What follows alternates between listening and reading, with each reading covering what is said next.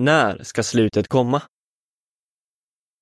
I den förra artikeln konstaterar vi att när Bibeln talar om slutet för världen så syftar det inte på slutet för jordklotet eller mänskligheten.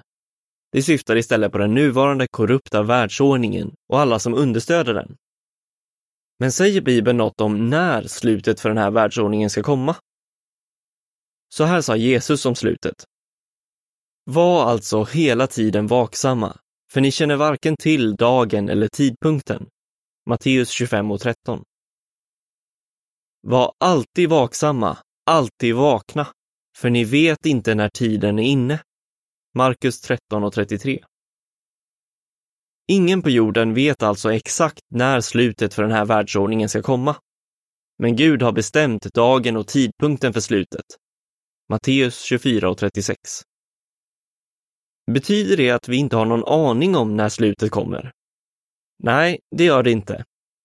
Jesus sa till sina lärjungar att vissa världshändelser skulle visa att slutet var nära.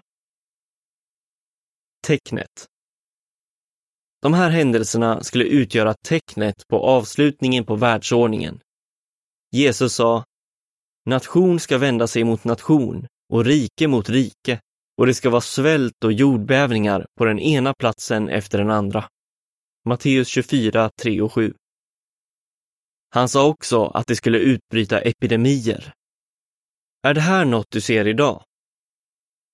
På senare tid har många drabbats hårt av krig, svältkatastrofer, jordbävningar och sjukdomar. Ett exempel är den kraftiga jordbävning som inträffade 2004 och som orsakade en tsunami i Indiska oceanen som dödade omkring 225 000 människor. Och på drygt ett år hade covid-19-pandemin krävt omkring 2,6 miljoner liv världen över.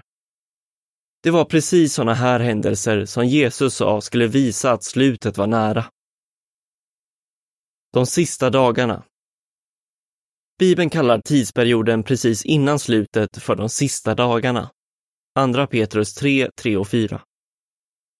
Andra Timoteus 3, 1-5 visar att de sista dagarna skulle kännetecknas av ett moraliskt förfall. Där står det Du ska veta att i de sista dagarna ska det vara kritiska tider som är svåra att hantera. För människor ska vara egoistiska, älska pengar, vara skrytsamma, stolta, hädare, olydiga mot föräldrar, otacksamma, illojala, kärlekslösa, omedgörliga, förtalare, obehärskade, våldsamma, utan kärlek till det goda, förrädare, obstinata och självgoda. De ska älska njutningar istället för Gud och ha ett sken av att vara religiösa, men religionen är ingen verklig kraft i deras liv. Tycker du att många människor idag är själviska, giriga, våldsamma och kärlekslösa? Det här är också ett bevis för att vi lever väldigt nära slutet. Hur länge kommer de sista dagarna att hålla på? Enligt Bibeln handlar det om en kort period. Sen kommer Gud att ta bort dem som fördärvar jorden. Uppenbarelseboken 11, 15-18. En bättre värld är snart här. Gud har redan bestämt dagen och tidpunkten när han ska ta bort den här onda världsordningen. Matteus 24 och 36. Och det finns fler goda nyheter. Gud vill inte att någon ska drabbas av förintelse. Andra Petrus 3 och 9. Han ger alla möjligheten att lära känna honom och börja leva efter hans normer. Han vill att vi ska överleva slutet för den här världen och få leva i den nya värld som han har lovat oss, då hela jorden kommer att vara ett riktigt paradis. Gud har sett till att människor över hela jorden kan få lära sig hur de kan få vara med i den nya världen när hans rike styr. Jesus sa att de goda nyheterna om Guds rike skulle predikas på hela jorden. Matteus 24.14. År 2019 använde Jehovas vittnen jorden runt över två miljarder timmar till att predika och undervisa människor om Bibelns hoppfulla budskap. Jesus sa att det här arbetet skulle utföras över hela jorden innan slutet skulle komma. Tiden för människors styre håller på att rinna ut. Men du kan få överleva slutet för den här världen och få leva i Guds nya fantastiska värld. Nästa artikel kommer att gå in på vad du behöver göra. Till artikeln hör följande information.